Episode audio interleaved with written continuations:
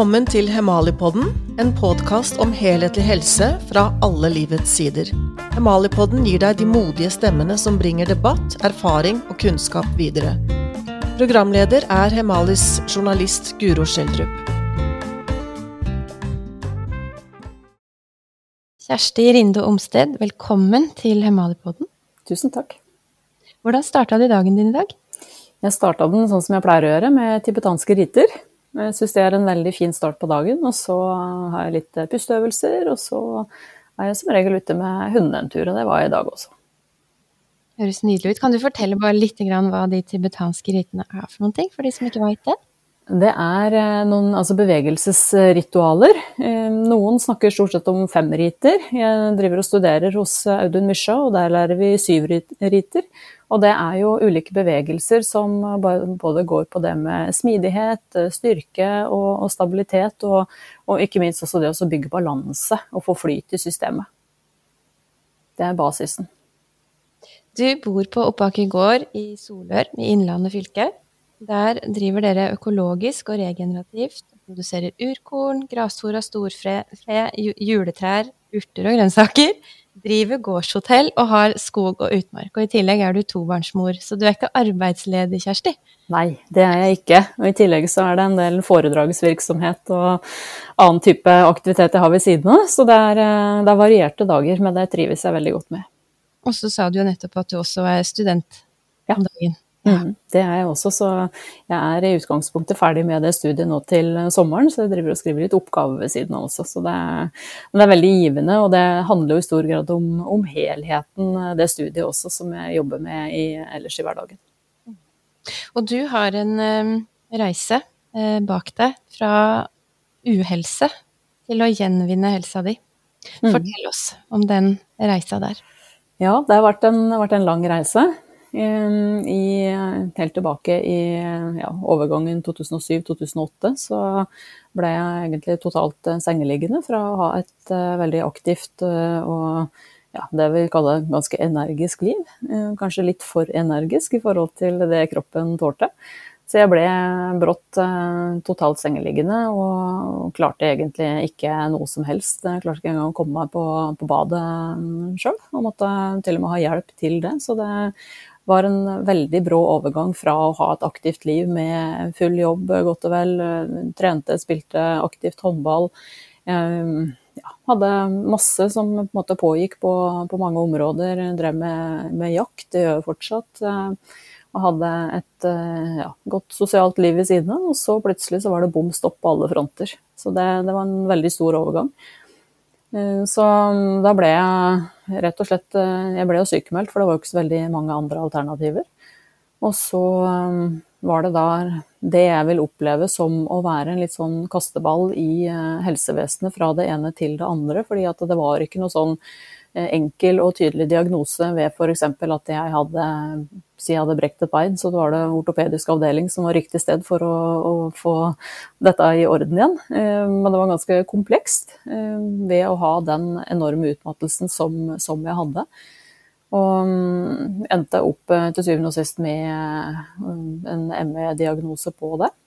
Jeg var egentlig aldri veldig opptatt av hva slags diagnose jeg endte opp med. Fokuset mitt var hele veien det var egentlig å bli frisk. Og det hadde jeg egentlig med meg helt ifra børjan av, når når jeg ble sengeliggende. For da tenkte jeg at dette her er ikke noe liv som jeg kjenner, og dette er eh, ikke noe liv som jeg ønsker for resten av livet. Men det er klart at når en da møter et helsevesen som ikke har noe, noe, klar retning på hvordan jeg skal komme tilbake igjen, og også det å oppleve at skal jeg komme tilbake, så må jeg finne veien sjøl. Eh, så var det en ting var å finne på en måte neste skrittet, men eh, det å finne den langsiktige, gode veien, det, det, har, det, har, vært en kjempelang vei tilbake, for å si det sånn. Eh, med veldig mye læring og ett skritt fram og to tilbake. Og ingen, ingen, dans på roser, men jeg er veldig, veldig glad for det i dag, at jeg faktisk bega meg ut på den veien der sånn. For du mobiliserte krefter til å ta skjea i egen hånd? Ja, det gjorde jeg. Eh, og det var eh, Altså, jeg var jo først, eh, først sykemeldt et helt år uten at det egentlig førte til noe i det hele tatt. Og så var det da snakk om å skulle da komme seg videre i et system som jeg opplever ikke fungerte etter hensikten i det hele tatt. Som egentlig stressa kroppen min mer og brøyt meg mer ned enn det bygde meg opp. Og det var da, etter å ha opplevd dette et helt år, som jeg også skjønte at det her med bare, jeg må bort fra dette systemet og begynne å bygge stein på stein på, på en helt annen måte, som er konstruktiv for meg. Eh, og finne de menneskene som, eh, som faktisk kan hjelpe meg eh, videre.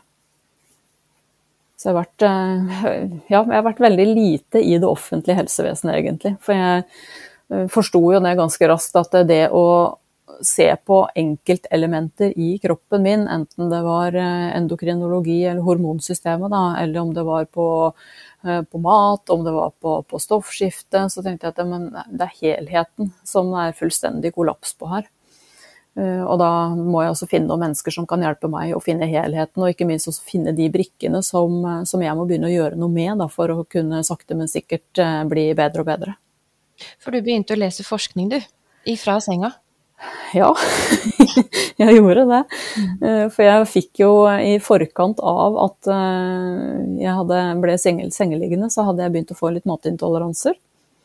Eh, og tenkte at det er helt sikkert også noe som er en viktig brikke i det som må rettes opp. Og når jeg begynte å komme i kontakt med mennesker som, som jeg skjønte kunne hjelpe meg å få helheten i systemet mitt til å fungere igjen, så var bl.a. mat en av de tinga som jeg skjønte jeg må ta tak i. Og jeg hadde jo spist et helt eh, normalt norsk kosthold. Eh, og så forsto jeg jo det etter hvert at eh, for min del så kommer ikke det til å funke for at jeg skal bli frisk igjen. Og jo mer jeg da begynte å lese i forhold til sammenhengen mellom mat og, og immunsystemet, og, og, hvordan mikrobiomet vårt er sammensatt, og viktigheten av å ha et fungerende mikrobiom med tanke på å ha en god helse, så um, ga det mer og mer eh, mening i forhold til eh, å kunne få tilbake en, en frisk kropp. Så, så, jeg begynte å lese forskning. Han fikk mannen min til å skrive ut eh, forskningsartikler. For jeg var jo, tenkte jeg, jeg hadde jo all verdens av tid, jeg klarte jo ikke å gjøre noen ting annet. Um, så jeg lå da stort sett når jeg lå i senga eller om jeg lå på sofaen og lå og leste. Uh, og da handla det stort sett om, om det med ernæring. Det var stort sett det jeg leste på. Eh, men det er klart at det tok jo veldig lang tid å lese dette her, sånn, fordi at eh, jeg hadde jo en hjerne som ikke fungerte i det hele tatt. Jeg hadde ikke hukommelse i det hele tatt. Og konsentrasjonen min var totalt fraværende. Så jeg leste kanskje en setning seks-sju ganger før jeg begynte å få forståelse av hva det var som faktisk sto der. Så det sier jo litt i forhold til hvor lang tid jeg da måtte bruke på å få lest en, eh, en forskningsartikkel. Eh, heldigvis så hadde jeg jo da en, eh, en helsefaglig utdanning fra før av, så jeg hadde jo en, en eh, viss grunnmur og, og, basis å bygge dette her videre på. Men allikevel, å skulle ligge og lese da ernæringsforskning på engelsk med mye fagtermer og et hode som ikke var på plass i det hele tatt, det, det tok sin tid. Men jeg tenkte tid er i grunnen det eneste jeg har nå, så får jeg bruke den til noe konstruktivt. Eh, og jo mer jeg leste, jo mer skjønte jeg også at eh, jeg må på en måte jobbe med å få bygd opp igjen mikrobiomet mitt. Og det er veldig interessant sånn når vi ser eh, den forskninga som har kommet de siste åra nå, sånn fra ja, det er vel i stor grad 2014 og framover. Som også, sånn som bl.a. Marit Kolby kommuniserer veldig godt, og, og ja, også Linge Linseth, Susann Stavald, de som jobber veldig mye med ernæringssida i dag. Da. Eh, kommuniserer det på en veldig god måte, så er det veldig mye av det jeg gjorde for å rett og slett eh, begynne å bygge opp igjen kroppen min igjen. Både det med rein råvarebasert mat, eh, men også det å få pauser ifra mat. For det er jo klart at når jeg vet det jeg vet i dag, så hadde nok ikke heller tarmen min tid nok til å restituere seg etter måltidene før noe nytt ble fylt på. Så det har gitt eh, enormt mye innsikt, og en, eh, ja, det har vært en lærekurve som har vært veldig bratt, men som også har, eh, har gitt meg et helt annet grunnlag for ikke minst å kunne ta vare på, på, familien min og de to som vokser opp i huset her i dag, som er neste generasjon.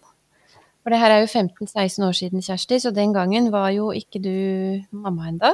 Nei, og det er jeg veldig glad for. Ja, og, og du vet jo også i dag at kanskje problemene dine starta allerede da du sjøl var barn, fordi at du fikk eh, en del antibiotika som barn? Nei, Jeg fikk ikke så mye antibiotika, eh, men jeg fikk, jeg fikk ikke morsmelk da jeg var liten.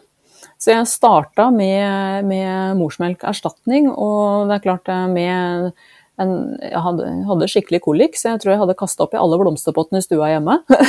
Fordi jeg var Jeg tror jeg holdt på med kolikk til jeg var nesten et år. Og det er jo som veldig, veldig interessant eh, når du da ser først eh, ordentlig kolikkunge, og så seinere veldig mye allergier. Og som da kunne relateres til en stor ubalanse i, eh, i tarmen. Så jeg var jo i ganske tidlig alder veldig mye hos ulike bl.a. homopater og, og, andre som jobba med, med, naturmedisin og jobba med helheten i kroppen da, for å, å, bygge opp igjen tarmen. Men så slår jo dette her seg litt sånn på tverke når det blir andre ubalanser, og når det ikke blir tatt godt nok vare på. Men det er klart, jeg, jeg visste jo absolutt ikke nok i det hele tatt i forhold til hvordan jeg kunne ta godt vare på det. Så det, det, er jo veldig logisk når jeg på en måte ser bakover hvorfor det har blitt Eh, krøll i systemet. Eh, men så er det jo også utrolig fascinerende å se hvordan man kan klare å få retta opp ting når man eh, får de riktige hjelpemidlene på det. Og jeg har jo også sett det nå i etterkant, for jeg driver bl.a. også trigger, eller ikke trigger, men trekker, noe som kalles for HRV, som går på, mm, på hjerterytmevariasjonen i, i kroppen min. Og jeg ser også hvor mye eh, kroppen min stresses av bestemte typer mat. Og det er klart det at eh, når har, det har vært mat som jeg har spist eh, nesten sagt daglig tidligere, eh, så har jo kroppen min vært enormt stressa og vært i, i, sympatikus og i stressmodus hele tida. Og da, da, blir det ikke mye tid til restitusjon og bygge opp eh, immunforsvaret igjen. Og det er jo også veldig typisk ved sånne altså utmattelser og ME-lidelser at eh, det autonome nervesystemet det, det, er i en form for lås, rett og slett. Og det, det var det hos meg også. Så jeg, jeg var konstant stressa uten at jeg skjønte det sjøl. Fordi at eh, jeg opplevde ikke å være stressa, men eh, hele det autonome nervesystemet mitt det var i konstant stressmodus. Litt sånn som, som foreleseren min Audun Mysja også omtaler det, at jeg kjørte med kokeplata på én hele tida. Og da blir det ikke tid til å lade batteriene. Og du lå i senga da og leste forskning og setningene om igjen og om igjen, men du kom deg gjennom mye og eh, lærte mye. Så kan du prøve å sammenfatte hva du lærte, og på en måte hvordan du la brikkene og i takt med det ble frisk? Ja, det, det, kan jeg gjerne gjøre. Og det var jo det som jeg forsto veldig fort, da, det var at eh, jeg måtte ha rein råvarebasert mat. Eh, prosessert mat, det trigga meg veldig.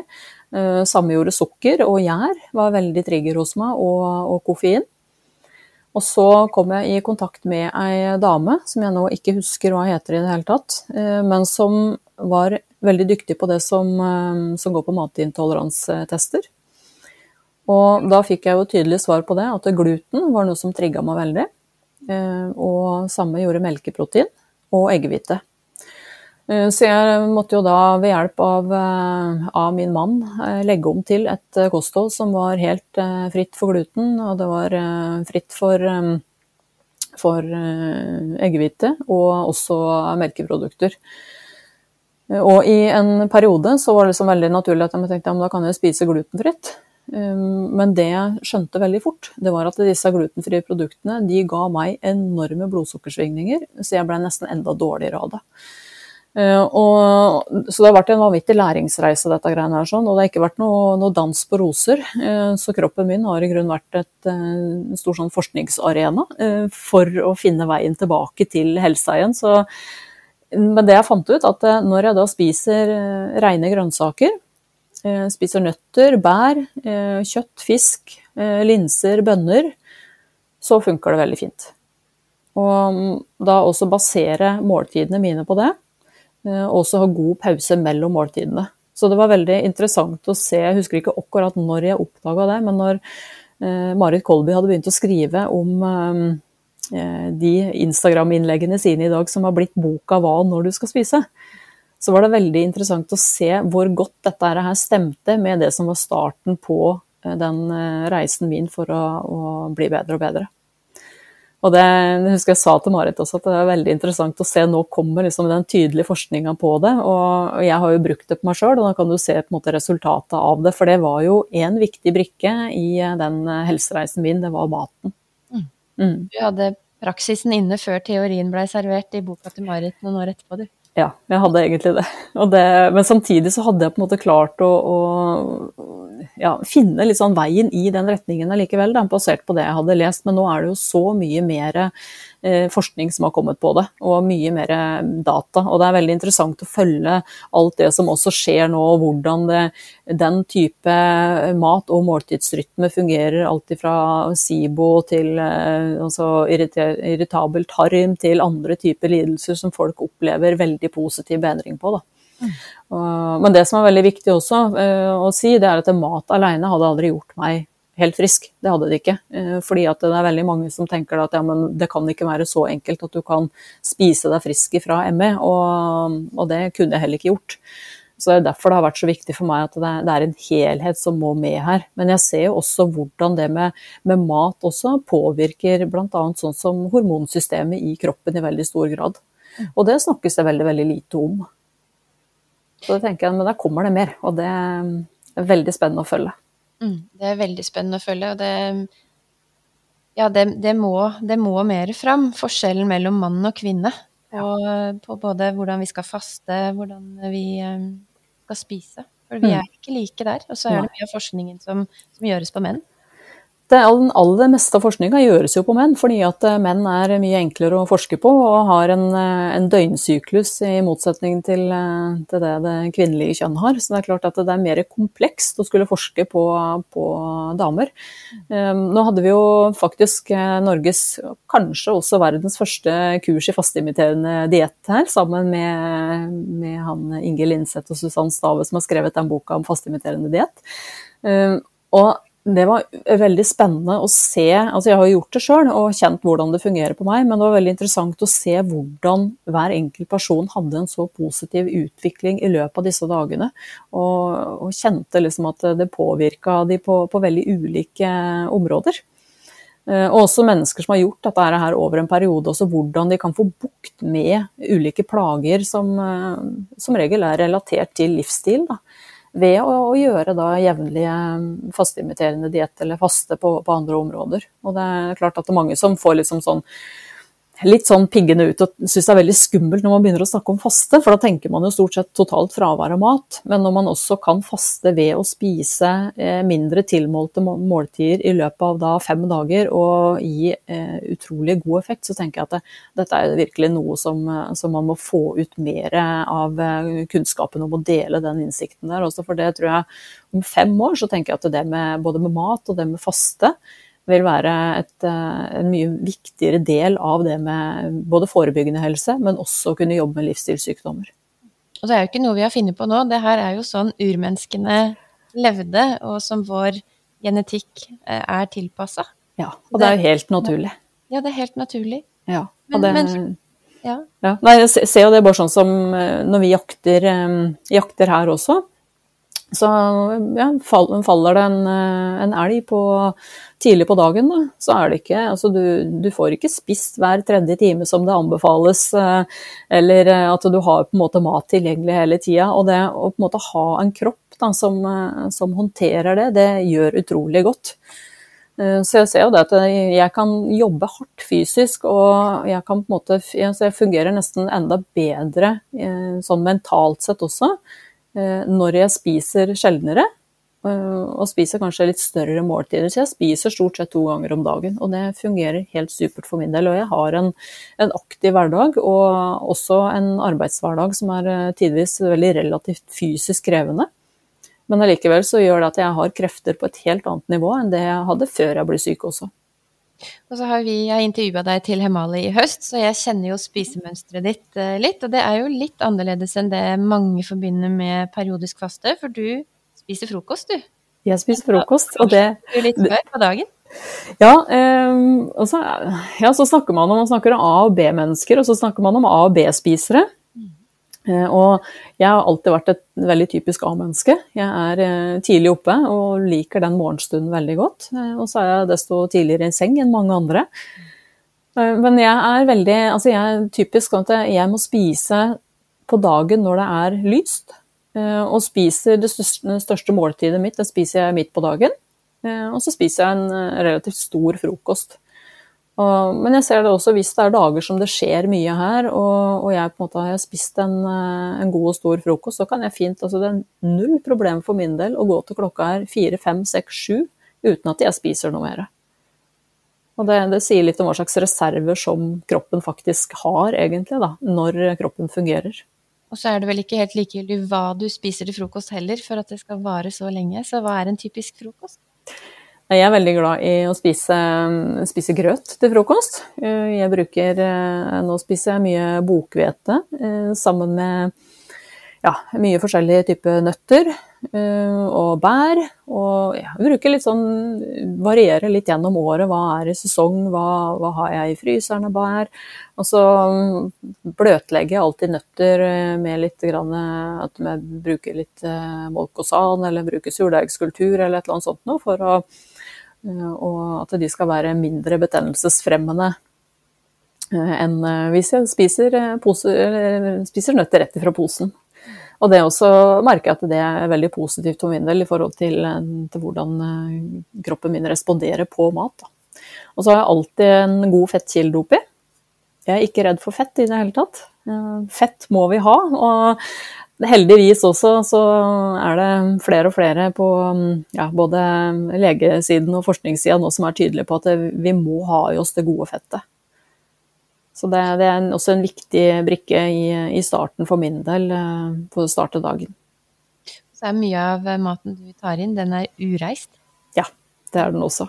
Nå er det, akkurat på den tida her av året så er det vel nesten sagt den kjedeligste sesongen sånn sett, for nå begynner det å bli litt tomt på, på alle hold.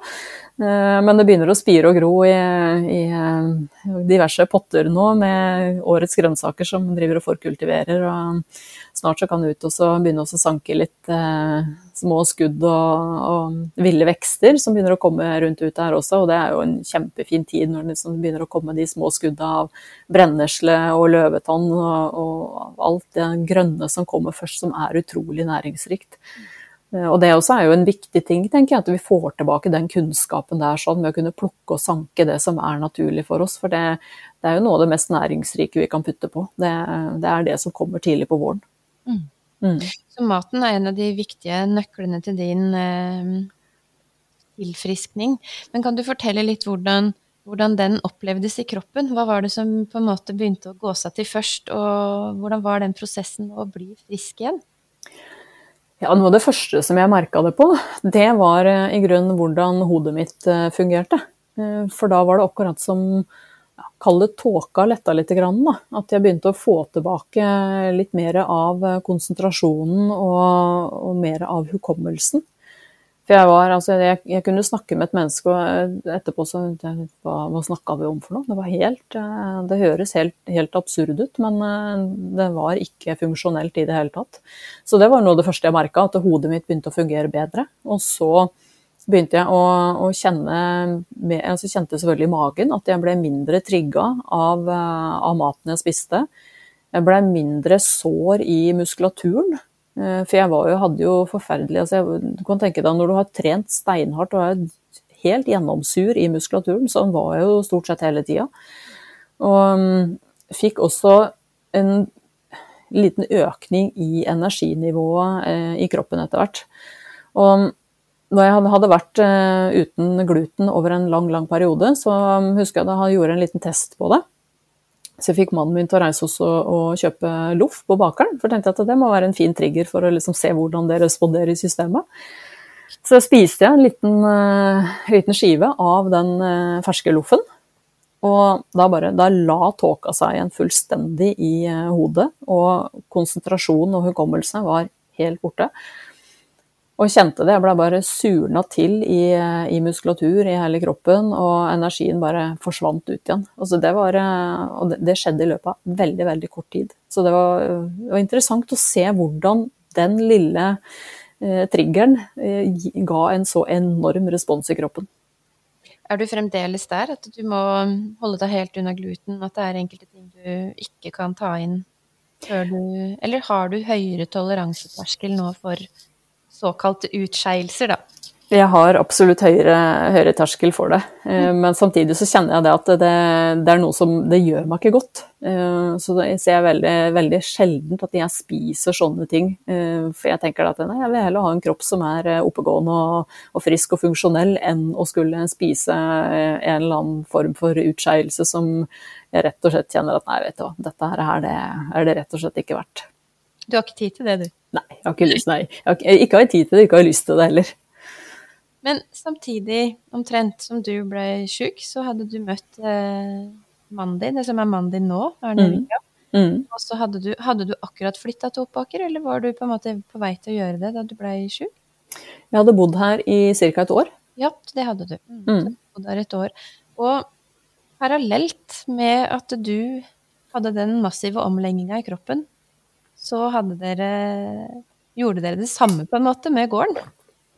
Ja, vi gjorde i stor grad det. fordi at eh, når jeg eh, drev og leste og leste om eh, mat, så var jo én ting er jo maten som du på en måte har i kjøleskapet hjemme, eller det du handler i butikken. Men det skjer jo også ganske mye før du får det hjem på bordet. Og all det, alt den som jeg satt og leste, så kom jeg naturlig også inn på produksjonsmetode, og hvordan produksjonsmetode også påvirker det som til syvende og sist blir den matkvaliteten som du skal spise. Eh, og jo mer jeg leste, jo mer innsikt fikk jeg i også hvordan eh, matproduksjonsmetoden påvirker eh, matkvaliteten vår. Og da forstår jeg at her er vi nødt til å gjøre, noen drastiske grep i forhold til måten vi produserer mat på også. Eh, både med tanke på å kunne, kunne, redusere giftstoffer eh, i maten som vi får i oss, eh, men også da ved å begynne å bygge opp igjen en jord som faktisk gjør at du kan få næring i maten igjen. Fordi det har jo vært et ekstremt stort frafall av næringsstoffer i maten vår i dag, sammenligna med det det var tidligere, når man drev matproduksjon på en helt annen måte.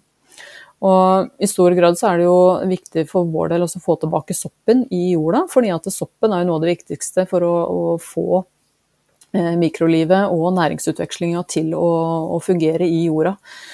Og mm, jo, jo, mer jeg leste, jo mer skjønte jeg at her må vi begynne å, å legge om. Eh, så vi hadde da et Aker gård anno 2007. Hva, mm. Hvordan så den ut, eller hva, hvordan fungerte det? Ja, hvordan produksjonen var, tenker du på, i forhold til eh, tomaten. Da var det konvensjonell produksjon med korn eh, og poteter. Eh, så det var jo i stor grad det var jo lite mat av det vi produserte som ble brukt på, på eiendommen. For det var i stor grad altså mm, produksjon på mm, på store avtaler, som da ble gjort eh, kontraktsretta til, eh, til Gartnerhallen og Felleskjøpet. Eh, mens ja, så var det i forkant av det også, så det, hadde svigerforeldra mine litt gulrotproduksjon litt til og fra også, men det var ikke, ikke noe dyr inn i produksjonen. og som, som, mannen min sier, at han har studert tre år på Blestad bl.a. og vært på Ås, og det har nesten aldri vært snakk om jordbiologi. Mens det er det vi i grunn lever av i dag. Da. Eh, så det, det, har gjort en enorm reise fra å drive med, med settepotet og, og såkorn til der vi er i dag, som du beskrev med, med starten på, på podkasten. Da hadde dere besøk av Økologisk førsteråd ja. på våren. Det hadde vi. Det er en, altså Økologisk førsteråd er en tjeneste som Landbruksrådgivninga tilbyr. Og da husker jeg han rådgiveren sa at her har dere i grunnen ørken. Og det var ganske skremmende eh, å måte få den midt i fleisen. Da begynte liksom virkelig de røde lampene å blinke. Og vi forsto jo veldig godt at her er vi nødt til å gjøre noe, for dette er ikke mye å verken produsere mat i i dag eller å overlate til, eh, til neste generasjon. Og husker da jeg spurte hva, ja, hva, hva bør vi gjøre, hva bør vi begynne med? Og det jeg husker vi fikk beskjed om da, det var å få tilbake husdyra. Og det er veldig interessant hvordan man da har den store klimadiskusjonen i dag, da, hvor husdyra blir til den store synderen. I motsetning til å se på helheten av eh, hva de faktisk også bidrar til inn i et helt økosystem. Eh, fordi at eh, da vi fikk tilbake husdyra og fikk inn igjen grasproduksjon i, i vekstskiftet her, og begynte også å få den gode effekten av uh, både beiting og, og husdyrgjødsel, selvfølgelig. Så begynte det å bli et helt annet liv. Og det, nå i sommer så hadde vi et, et jorde som har ligget da i eng i mener det, elleve år. Hvor det nesten sagt bare var sand når vi la det om til eng. Hvor det i dag ser ut som det nesten er myrjord der. Det, og det sier veldig mye om den prosessen som da har pågått. Eh, som er da rett og slett eng i kombinasjon med husdyr. Og det er veldig Dyra har gressa der, rett og slett? Vi har eh, bytta på å gresse og slå det til fôr. Ehm, men da ser man også hva faktisk naturen er i stand til når man får de riktige verktøyene. Akkurat som jeg ser kroppen min har vært i stand til å, vitalisere når den har fått de riktige verktøyene. Så vi har gjort eh, sånn, egentlig to parallellreiser. Jeg har eh, brukt enorme ressurser på å bygge opp igjen og, og regenerere kroppen min, ehm, som har ført til at vi også har begynt på den enorme reisen i å, å regenerere hele økosystemet på eiendommen her. Og det, det gir oss en innmari meningsfylt hverdag også. Så i dag så yrer og gror det, og det er jordeliv, og dere er tilbake der dere vil være, eller er det fortsatt vei å gå for å komme helt i mål? Altså, vi har fortsatt en vei å gå. Eh, det er, eh, dette er ikke noe du gjør på, på ett eller to eller tre år.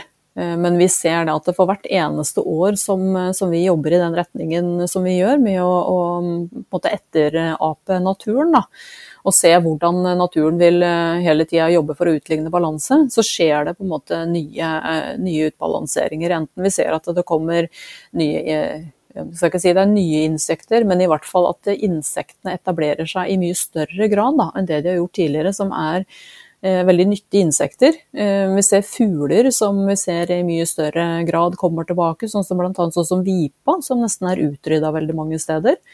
Nå har vi I fjor så hadde vi åtte hekkende par her nede, og det er utrolig positivt å se hvordan naturen responderer på den endringa som vi har gjort. Så det, og så kommer vi i kontakt med veldig mye spennende miljøer som jobber på helt andre områder, eh, når vi først har valgt å gå den retningen som det vi har også. Fordi at det blir plutselig mye mer attraktivt i forhold til eh, ulike forsknings- og utviklingsmiljøer å kunne, kunne, jobbe på lag med, med noen som har, har på en måte starta den reisen eh, og, og jobba i den retningen en god stund. Men man blir jo ofte fortalt at økologisk drift ikke er lønnsomt, at det at det rett og slett ikke er mulig å få til. Hva vil du si til det, er det en myte? Det, det som jeg syns er litt interessant, det er å gå og se på hvem er det som står bak eh, den forskninga som er gjort, eh, som, som, legger på en måte grunnlaget for de utsagnene der. sånn. Eh, og nå har du jo ny forskning som viser det at vi vil klare oss veldig godt med økologisk produksjon. Eh, og ikke minst også det å ha en produksjon som tar vare på de naturressursene og, og de naturgitte ressursene som du har på hver enkelt eiendom. Men man må tenke litt annerledes, og jeg ser det vi har jobba for å få til i veldig mange år, det er å få til et, et, kretsløp på eiendommen her, som gjør at, eh, at, vi kan på en måte være mye mindre sårbare, og ikke minst også få utnytta de ressursene som er her. Så vi ikke på en måte trenger å være avhengig av å skulle kjøpe inn ressurser til enhver tid. Sånn som f.eks. i ja, det har vært mye diskusjoner i forhold til det med kunstgjødsel. Eh, og at man blir veldig sårbar. Men hvis vi ser det når vi på en måte har fått i gang livet som det vi har nå, så har vi ikke behov for å kjøpe inn eh, gjødsel i det hele tatt. Men det krever, en, det krever en omlegging, og det krever en litt annen tilnærming og en annen måte å jobbe på. Men vi har bl.a. godt samarbeid med en som driver med, med sopp. Eh, sånn at vi nå skal i gang med et, eh, et, prosjekt der også, for å bruke sopp eh, til å få liv i, i jorda igjen. Hvor det bl.a. har vært, vært, brukt en del sprøytemidler tidligere i produksjonen som gjør at det er fryktelig dårlig jordliv der. Så det er bl.a. en av de tinga vi skal i gang med nå til, til våren og sommeren. Det er husbonden som vi skal intervjue på podkasten, han også, mm. som dere samarbeider med. Så det, vi har jo hatt et, et godt samarbeid med, med de husbondene lenge også, i forhold til å kunne bidra med, med, korn eh, som vi produserer, inn i soppproduksjonen eh, deres, sånn at de kan eh, få et ja, rett og slett ha en god råvare som de kan bruke til å produsere soppen sin på. Mm. Og det dere produserer på Oppaker gård, det er jo rett og slett giftfri mat. Og det tror jeg er løsningen på mye. Mm. Særlig helseutfordringer som mennesker har. Kan du si litt om, om sprøytemiddelbruken? Hva den, hva den, gjør med mennesker og natur og dyr? Det er store spørsmål det her da, Kjersten, men jeg veit at du brenner for det og kan mye om det. Ja, det er, det er, enorme spørsmål, for å si det sånn. Og, og, mye vet vi vel fortsatt ikke heller. Men um, altså, du ser jo det er jo enkelte sprøytemidler som også man har sett veldig tydelig påvirker hyppigheten av kreft. Um, og andre sprøytemidler som påvirker uh, f.eks. Uh, altså livet i vannene våre, i vassdragene våre. Og vi lever jo tett ved Glomma, og jeg tenker også det med å, å se på hvordan eh, matproduksjonsmetodene våre påvirker eh, både livet i vassdragene våre, men ikke minst også grunnvannet, og grunnvannet som ressurs, som vi er helt avhengig av eh, i framtida. Ser vi jo det at eh, sånn som eh, Rondup, eller glyfosat, da, som har vært brukt mye av gjennom altfor mange tider, altfor mange år nå, finnes nå både i morsmelk hos mennesker. Det fins i alt av altså, Så å si alt av mat, så kan du klare å finne sprøyterester av det. Og du kan finne det i ja, tamponger, bind finner du rester av glyfosat. I grunnvannsressurser, og mye også samme med ulike ugressmidler som man bruker i, i gulrot og potet.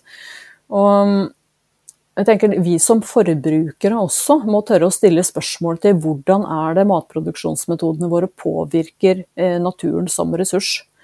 Og Det er nok fortsatt mye som vil komme fram av forskning etter hvert også, i forhold til hvordan sprøytemidler vil eh, Eller hvordan det har påvirka oss også, eh, som vi ikke vet ennå. Og jeg tenker det er noe med det føre var-prinsippet, i motsetning til å hele tida skulle være ettersnar. Altså, for det, en ting er jo disse grenseverdiene som Mattilsynet setter. Eh, men det gjelder jo enkeltmidler. Og så er det noe med hva, hva er effekten av cocktail, eh, cocktaileffekten, hvor man blander mange typer sprøytemidler sammen. Hvordan påvirker det oss? Og man har jo også sett at det gir en, en eh, ganske kraftig påvirkning på mikrobiomet vårt. Man vet at det påvirker mikrolivet i jorda, og også særlig sånn i forhold til, til sopplivet i jorda. Man får kanskje en helt annen bakteriesammensetning i jorda enn det som er gunstig. Eh, så her tror jeg det kommer bare mer og mer eh, forskning på det området, som eh, heldigvis kan gi oss en, en god rettesnor i forhold til hva som er de gode valgene å ta. Men vi har jo valgt å, å drive produksjonen vår helt uten sprøytemidler. Og det er også veldig interessant å se hvordan de naturlige eh, stoffene altså Sånn som plantene også har jo et naturlig immunforsvar, og det har vi jo sett også i sånn som urkornet. da, Hvordan det naturlige immunforsvaret også kommer til nytte og kommer virkelig til sin hensikt, i form av f.eks. For sånn som, eh, som, lus i kornet. Og også overfor for uønska vekster som man ikke ønsker inn i kornet. hvor man har en sånn allelopatisk effekt ifra urkornet som eh, rett og slett eh, påvirker andre eh, planter til å få dårligere vekstvilkår. Det, sånn, og det visste jo ikke vi før vi begynte med det, men vi lærer mer og mer hvert eneste år. Så, nei, så akkurat, det, er et kjempestort spørsmål du stiller, Guro, men jeg tenker det vil nok komme mer innsikt i hvordan sprøytemidler både påvirker som mennesker direkte, men også hvordan det påvirker naturen. Så jeg tror vi bare har begynt å touche litt sånn toppen av isfjellet, egentlig. Men hvis man skal eh, prøve da, å leve et, eh, et liv med mindre sprøytemiddelrester, hvor begynner man da? Ja, det begynner å bli bedre og bedre tilgang på, på råvarer nå. Det er eh, i butikkene relativt begrensa mange steder. Men du har jo flere og flere gårder som tilbyr eh, bl.a. andelslandbruk, du kan handle kjøtt direkte, du kan eh, handle korn direkte. Så det, det blir jo på en måte en, en mer forbrukervennlig eh, tilbud i forhold til, til det med å, å, få tak i rein mat, rett og slett. Sånn som husdyr, så har man vel egentlig sett det at man ikke har sprøytemiddelrester som eh, man kan klare å spore i husdyret, selv om det har spist da, eh, mat som har vært, eh, vært sprøyta. Men allikevel så tenker jeg at det er noe med flere og flere som spiser innmat også, da. Og akkurat hvordan det vil se ut i f.eks. lever i et dyr som, som har spist konvensjonelt, det tør jeg ikke å si noe om, for det, det kan jeg ikke nok om. Um, men vi har tatt våre forhåndsregler og, og spiser, spiser rein mat, og også mye av grunnen til at vi valgte å legge om til, til, økologisk, det var jo både for vår egen del og for kommende generasjon sin del, men også eh, for å kunne tilby andre en en større andel av rein mat. For Vi så jo det på, på gårdshotell også, at det var flere og flere år for år som fikk eh, ulike allergier og matintoleranser. Og da tenker vi at ok, skal vi kunne på en måte bygge om en eh, hel drift i form av å skulle drive økologisk og regenerativt, så må det være noe som mange flere kan ha glede av. Og også da kunne tilby gjestene våre ren mat, rett og slett, og sporbar mat. Eh, så det var liksom en kombinasjon av motivasjonen som lå eh, bak den store omlegginga som vi har gjort også, for det, det har vært en kjempejobb. Det, og det er ingen som måte, har noe A4-løsning på hvordan du skal gjøre det. For det er jo ingen eiendommer som er like, og det er ingen eiendommer som har et likt sett ressurser. Eh, men heldigvis så har vi hatt veldig mange som eh, vi har kunnet både samarbeide med, og som vi har kunnet lære av. Så vi har jo mm, bl.a. han Heinrich Jung, som har vært en, eh, en, veldig viktig bidragsyter i arbeidet vårt. En av de som virkelig har vært pro-økologisk i Norge i mange år, og nå har vi også fått et eh, godt samarbeid med Regenerativt Norge. Vi har eh, gjort en del sammen med Permakulturforeninga og eh, Økologisk Norge. Vi er jo bl.a. med som inspirasjonsbønder for landbrukets økoløft også. Så vi kommer jo hele tida i kontakt med utrolig mye spennende mennesker som vi får, får lære veldig mye av. Også Sånn som de som driver med vital analyse, nå driver og brygger ferment for å ha det ut på åkeren for å bidra til jordlivet og jordfruktbarheten. Og eh, det med ferment er jo kanskje nærmest vi kommer der fra humanhelse, er jo det med tenker vannkefir og kombucha som vi drikker, ikke sant. Med melkesyrebakterier eller fermentering av grønnsaker. Eh, så får på en måte det fermentet litt samme effekten ut i åkeren, da, med å bygge opp eh, med gode melkesyrebakterier som hjelper til i prosessene i, eh, i jorda. Så det er utrolig spennende å på en måte kunne være i den der utviklingsbobla og samtidig også finne litt nye måter å gjøre ting på som ikke er, eller har vært A4, men som jeg tror kommer til å bli en viktig brikke i form av hvordan matproduksjonen vil bli i framtida, for å kunne, kunne, rett og slett levere rein mat til eh, det norske folket. Og vi nordmenn vi er jo et brødspisende folk. Um, mm. Og og jeg har lest at man nå lurer på om glutenallergi ikke er glutenallergi, men at det er rett og slett sprøytemiddelallergi. At det er sprøytemidlene vi, reagerer på. Um, så et sted å begynne er kanskje å, å velge økologiske kornprodukter, bake sjøl. Ja. Har du noen kommentar til det? Ja, altså det var jo en av de områdene som vi eh, har gjort store omveltninger på nå også. For jeg mm, måtte jo også lese meg opp mye på dette med korn når jeg var, eh, var dårlig. Og da var jo altså den foredla hveten, det var jo noe av det verste jeg kunne få i meg, som virkelig trigga systemet mitt så til de grader.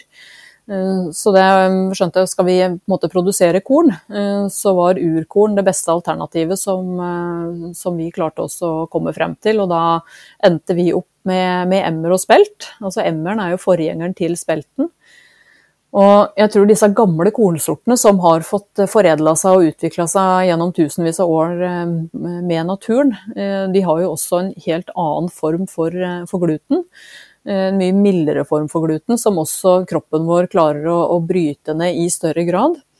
Eh, men som vi også må bake med på en helt annen måte. fordi at Hvis vi bruker den baketeknikken som vi gjør i dag i form av eh, den industrielle tilnærminga på, på, baking, så ødelegger man bakeegenskapene i kornet.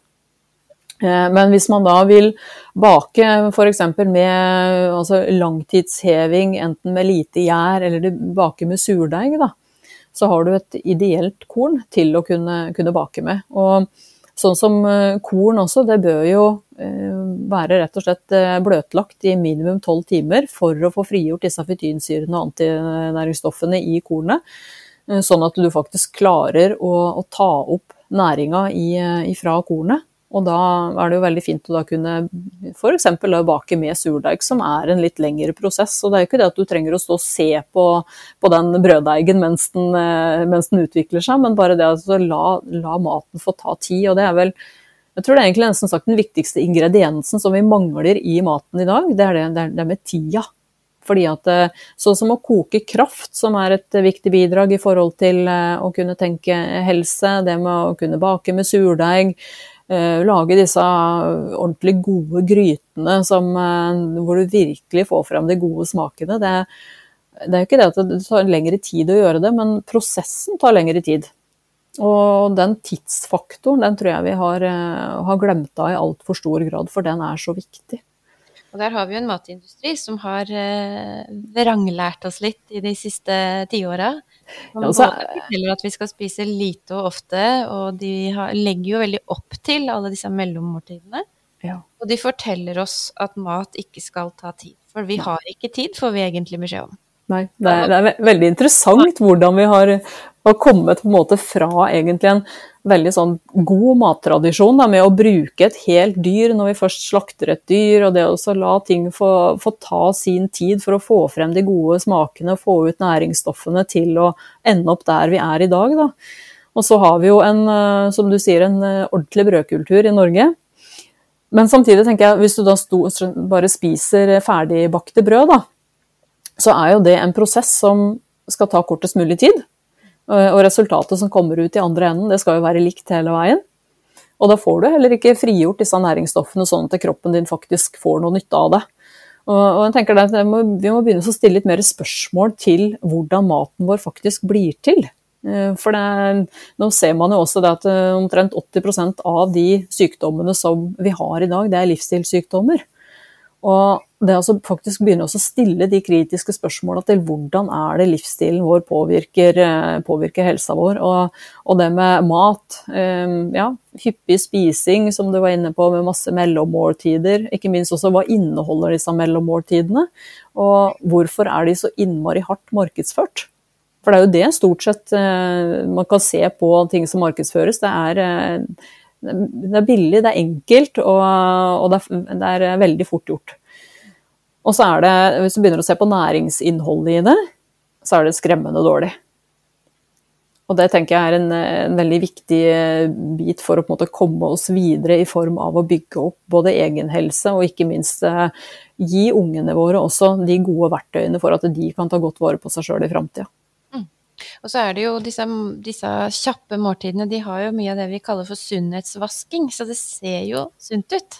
Mm. Helt til du blir så bevisst at du begynner å lese bakpå. Ja. ja.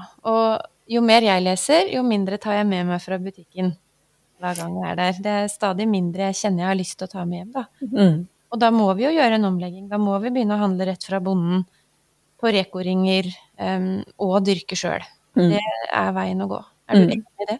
Jeg er helt enig med deg, Guro. Og jeg, jeg, tror det at eh, når du får tilbake den kontrollen på hva du faktisk har i kjøleskapet ditt, og, og du kan eh, ja, både sporbarhet i råvarene, du vet hvordan de er produsert, og ikke minst også kunne få mye ferskere eh, råvarer som, som, du kan tilberede på best mulig måte, så tror jeg også du har lagt et innmari godt grunnlag for den, eh, både, både, din egen helse og helsa til ungene dine. Og, og, ikke minst også gi de gode verktøy og gode rutiner til hvordan de kan ta vare på sin familie en gang som eh, det måtte skje. Og det, den kunnskapen der sånn, den tror jeg er så viktig å ta tilbake. og Hvis ikke vår generasjon tar den med seg og, og, mm, deler den videre, så er jeg veldig redd for at den eh, forsvinner. Og jeg ser, jeg har jo det med fermentering også har vært en viktig brikke for, for min del. Eh, og i dag så er det jo nesten ingen av den eldre generasjonen som kan fermentere. Og i motsetning da til at jeg skal stå og lære, lære damer på 75-80 år å fermentere, så burde det burde egentlig vært de som hadde lært meg det. Så det har liksom hoppa over en hel generasjon, og da tenker jeg da er det så viktig at vi tar det med oss videre og deler den der kunnskapen der, sånn, for det, det, er også en innmari god måte å ta vare på eh, næringsinnholdet i grønnsakene når grønnsakene er på sitt beste. For det er heller ingen selvfølge at vi kan få, få kjøpt alt fra utlandet i framtida, sånn som vi gjør i dag. Og da tenker jeg at da må vi lære oss å ta vare på grønnsakene når de er på det beste i sesongen. Og da er det med fermentering en innmari fin måte å gjøre det på. Så tenker jeg barna er jo en nøkkel her, Kjersti. Fordi at gode matvaner starter jo tidlig, og særlig de første leveåra så har jo ikke barn muligheten til å ta valgene sjøl heller, så de er jo prisgitt at det tas gode valg for dem. På hvilken måte kan man som foreldre eh, styrke barns interesse for mat og forståelse for maten tidlig, da? Det er også store spørsmål, men jeg vet ikke om du har noen tanker om det? Jo, jeg har et del tanker om det. Og jeg har jo ei i huset her sånn som er innmari glad i å drive på kjøkkenet. Og det tror jeg handler mye om at hun har fått lov til å slippe til. Eh, og det å ta med seg ungene inn i det med, med, matlaging, ta dem med seg ut, og enten du er ute og sanker, om du er ute og plukker bær, eller eh, du skal ut og ja, reise til en, en bonde og, og, hente poteter, eller hva det er, for å la dem på en måte få en mye mer tilnærming til råvarene i utgangspunktet. Og nå har vi hatt noen år med andelslandbruk her eh, hos oss, eh, hvor man på en måte, som de fleste er jo familier, som er med da kjøper seg en andel og får da en andel med grønnsaker og er med på dugnader og, og mm, har liksom en mye tettere oppfølging på det gjennom året, da. Og jeg ser de ungene som er med på det, de får en helt annen glede av de grønnsakene som de til syvende og sist får på tallerken når de skal spise middag, eh, kontra det å gå i butikken og kjøpe. For da, da vet de at de har vært med kanskje og sådd frø, de har vært med og luka, de har vært med og vanna, og ikke minst også til syvende og sist kunne høste dette her sånn. Og jeg tror også det å kunne tilby de et mye større mangfold av grønnsaker, og, og trigge den nysgjerrigheten der til hva, hva, smaker de ulike grønnsakene, hvordan utvikler de seg i løpet av sesongen, og på en måte komme nærmere det som er naturen. Da. Det tror jeg er en, en veldig fin brikke for å, å, få unger mer interessert, rett og slett. Mm. Det er så viktig. Jeg har to tenåringssønner, og hjemme hos oss driver vi og prikler fælt om dagen. Og han eldste han spurte meg han er snart 16, og han spurte jeg skjønner ikke hva du styrer med, mamma, det er jo bare å kjøre på butikken. Ja. Jeg, har, jeg har en jobb å gjøre, tenkte jeg, men, det, men jeg skjønner jo hvorfor det har blitt sånn. For vi har jo alltid tatt for gitt at vi bare kan dra på butikken. Mm. Uh, og, fortsatt kan vi jo det, men, uh, men, det handler jo ikke bare om tilgjengeligheten, det handler jo om kvaliteten um, også. Og det er jo det vi må prøve å lære dem. Så jeg jobber med saken, men det er litt vanskeligere å snu en 16-åring enn en 5-åring. men så er det utrolig hva de har fått med seg også, selv om man liksom tenker det noen ganger at åh, de forstår jo ingenting. Men når du hører hvordan de prater med andre ja. på, på, sin alder, mm. Eh, og da, da, får du på en måte et helt annet inntrykk av at oi, du verden hvor mye disse ungene faktisk har fått med seg. Mm. Og, og det tenker jeg bare det med å ha innsikten i det hvordan du faktisk kan dyrke dine egne grønnsaker, da. Det er en kjempestor verdi, fordi det, det, er ingen selvfølge at vi kan, kan, få kjøpt alt på butikken i, i framtida heller. Og det å bare ha den innsikten i hvordan du kommer fra et, et frø til en ferdig grønnsak, den tror jeg bare blir mer og mer verdt. Jeg syns det er direkte rørende å se hvordan de frøa kommer opp fra jorda igjen som planter. Det er, det er jo et lite mirakel som skjer hver eneste gang. Mm. Eh, og hver vår. Og så er det veldig interessant eh, sånn i forhold til eh, sånn som Vi går ut på restaurant og spiser, da. Da er jo de fleste veldig opptatt av det med sporbarhet og fortelle historien om råvarene. Og så tenker jeg litt, Hvorfor er vi ikke så opptatt av det når vi skal handle mat til oss selv? Det er en sånn ting som jeg tenker litt på. fordi det er jo minst like viktig, for det er det som utgjør eh, hverdagen din, som, eh, som, har den største betydninga i livet ditt. Ikke de gangene som du er ute og spiser på restaurant. Så vi må snu den tankegangen der. Mm. Mm. Men jeg ser også at det er flere og flere som, som, blir mer opptatt av hva de faktisk putter i munnen. De vil vite hvordan dyret har levd, eh, de vil vite hva dyret har spist, eh, og på en måte ha hele, hele innsikten i hvordan, ja, ikke minst også hvordan dyret, dyret har eh, endt sine dager. da. Og, og det tenker jeg at det er også veldig positivt når forbrukeren begynner å etterspørre sånn type informasjon. For det er først da vi kan klare oss å få til en endring i et matsystem også, når forbrukeren begynner å stille disse spørsmåla her sånn. For så lenge uh, forbrukeren bare sitter og tenker det at uh, ja, men de beslutningene de er det noen andre som tar hånd om, så det trenger ikke jeg tenke på, da vil det heller ikke bli noe endring på ting. Og, det å bruke forbrukermakten vår, det er eh, viktigere enn vi kanskje skjønner. Ja, jeg, jeg tror egentlig det. Mm. Og det er også faktisk sånn som Jeg var i, i butikken her en, en, dag, jeg var nå før påske, og, og så um, begynte jeg å lese på etikettene på, på, brød. Og så så jeg en som um, Hva det sto, Bondebrød sto det på den. Og så tenkte jeg, ja, så tenkte jeg men det er jo supert, det det er jo mel, eh, det er salt, det er vann og det er surdeig. Da har du et perfekt eh, bondebrød. Men eh, det var, eh, det var, en innholdsfortegnelse på det brødet som var helt enorm. Og det var eh, mesteparten av det som sto der, det var ting som ikke jeg hadde i skapet mitt hjemme i det hele tatt. altså. Og det å da begynne å etterspørre ordentlig brød, f.eks. i butikkene, for, for, oss som er en sånn enormt stor brødnasjon, tenker jeg er et fint sted å begynne. Kjersti, alle våre gjester får samme spørsmål til slutt. Det er Hvilket grep gjør du for helsa di akkurat nå, som er det viktigste grepet du gjør?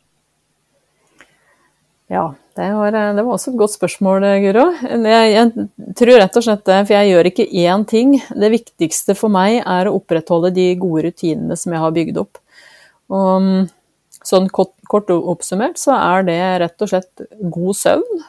Det er eh, rein mat. Eh, pauser fra mat.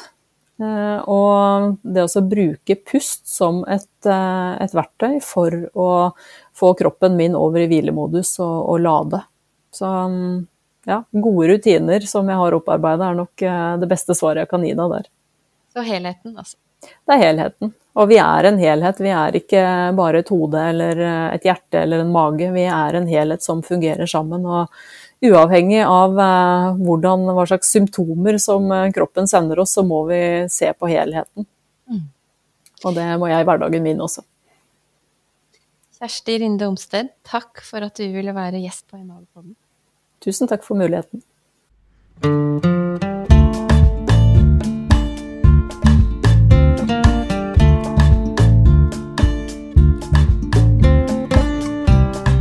Takk for at du lytter til Emalepodden. Likte du det du hørte, håper vi at du vil fortelle andre om oss. Gjør det til en vane å klikke deg inn på hemali.no hver dag. Der vil du finne siste nytt om det fantastiske potensialet i livsstil for helse.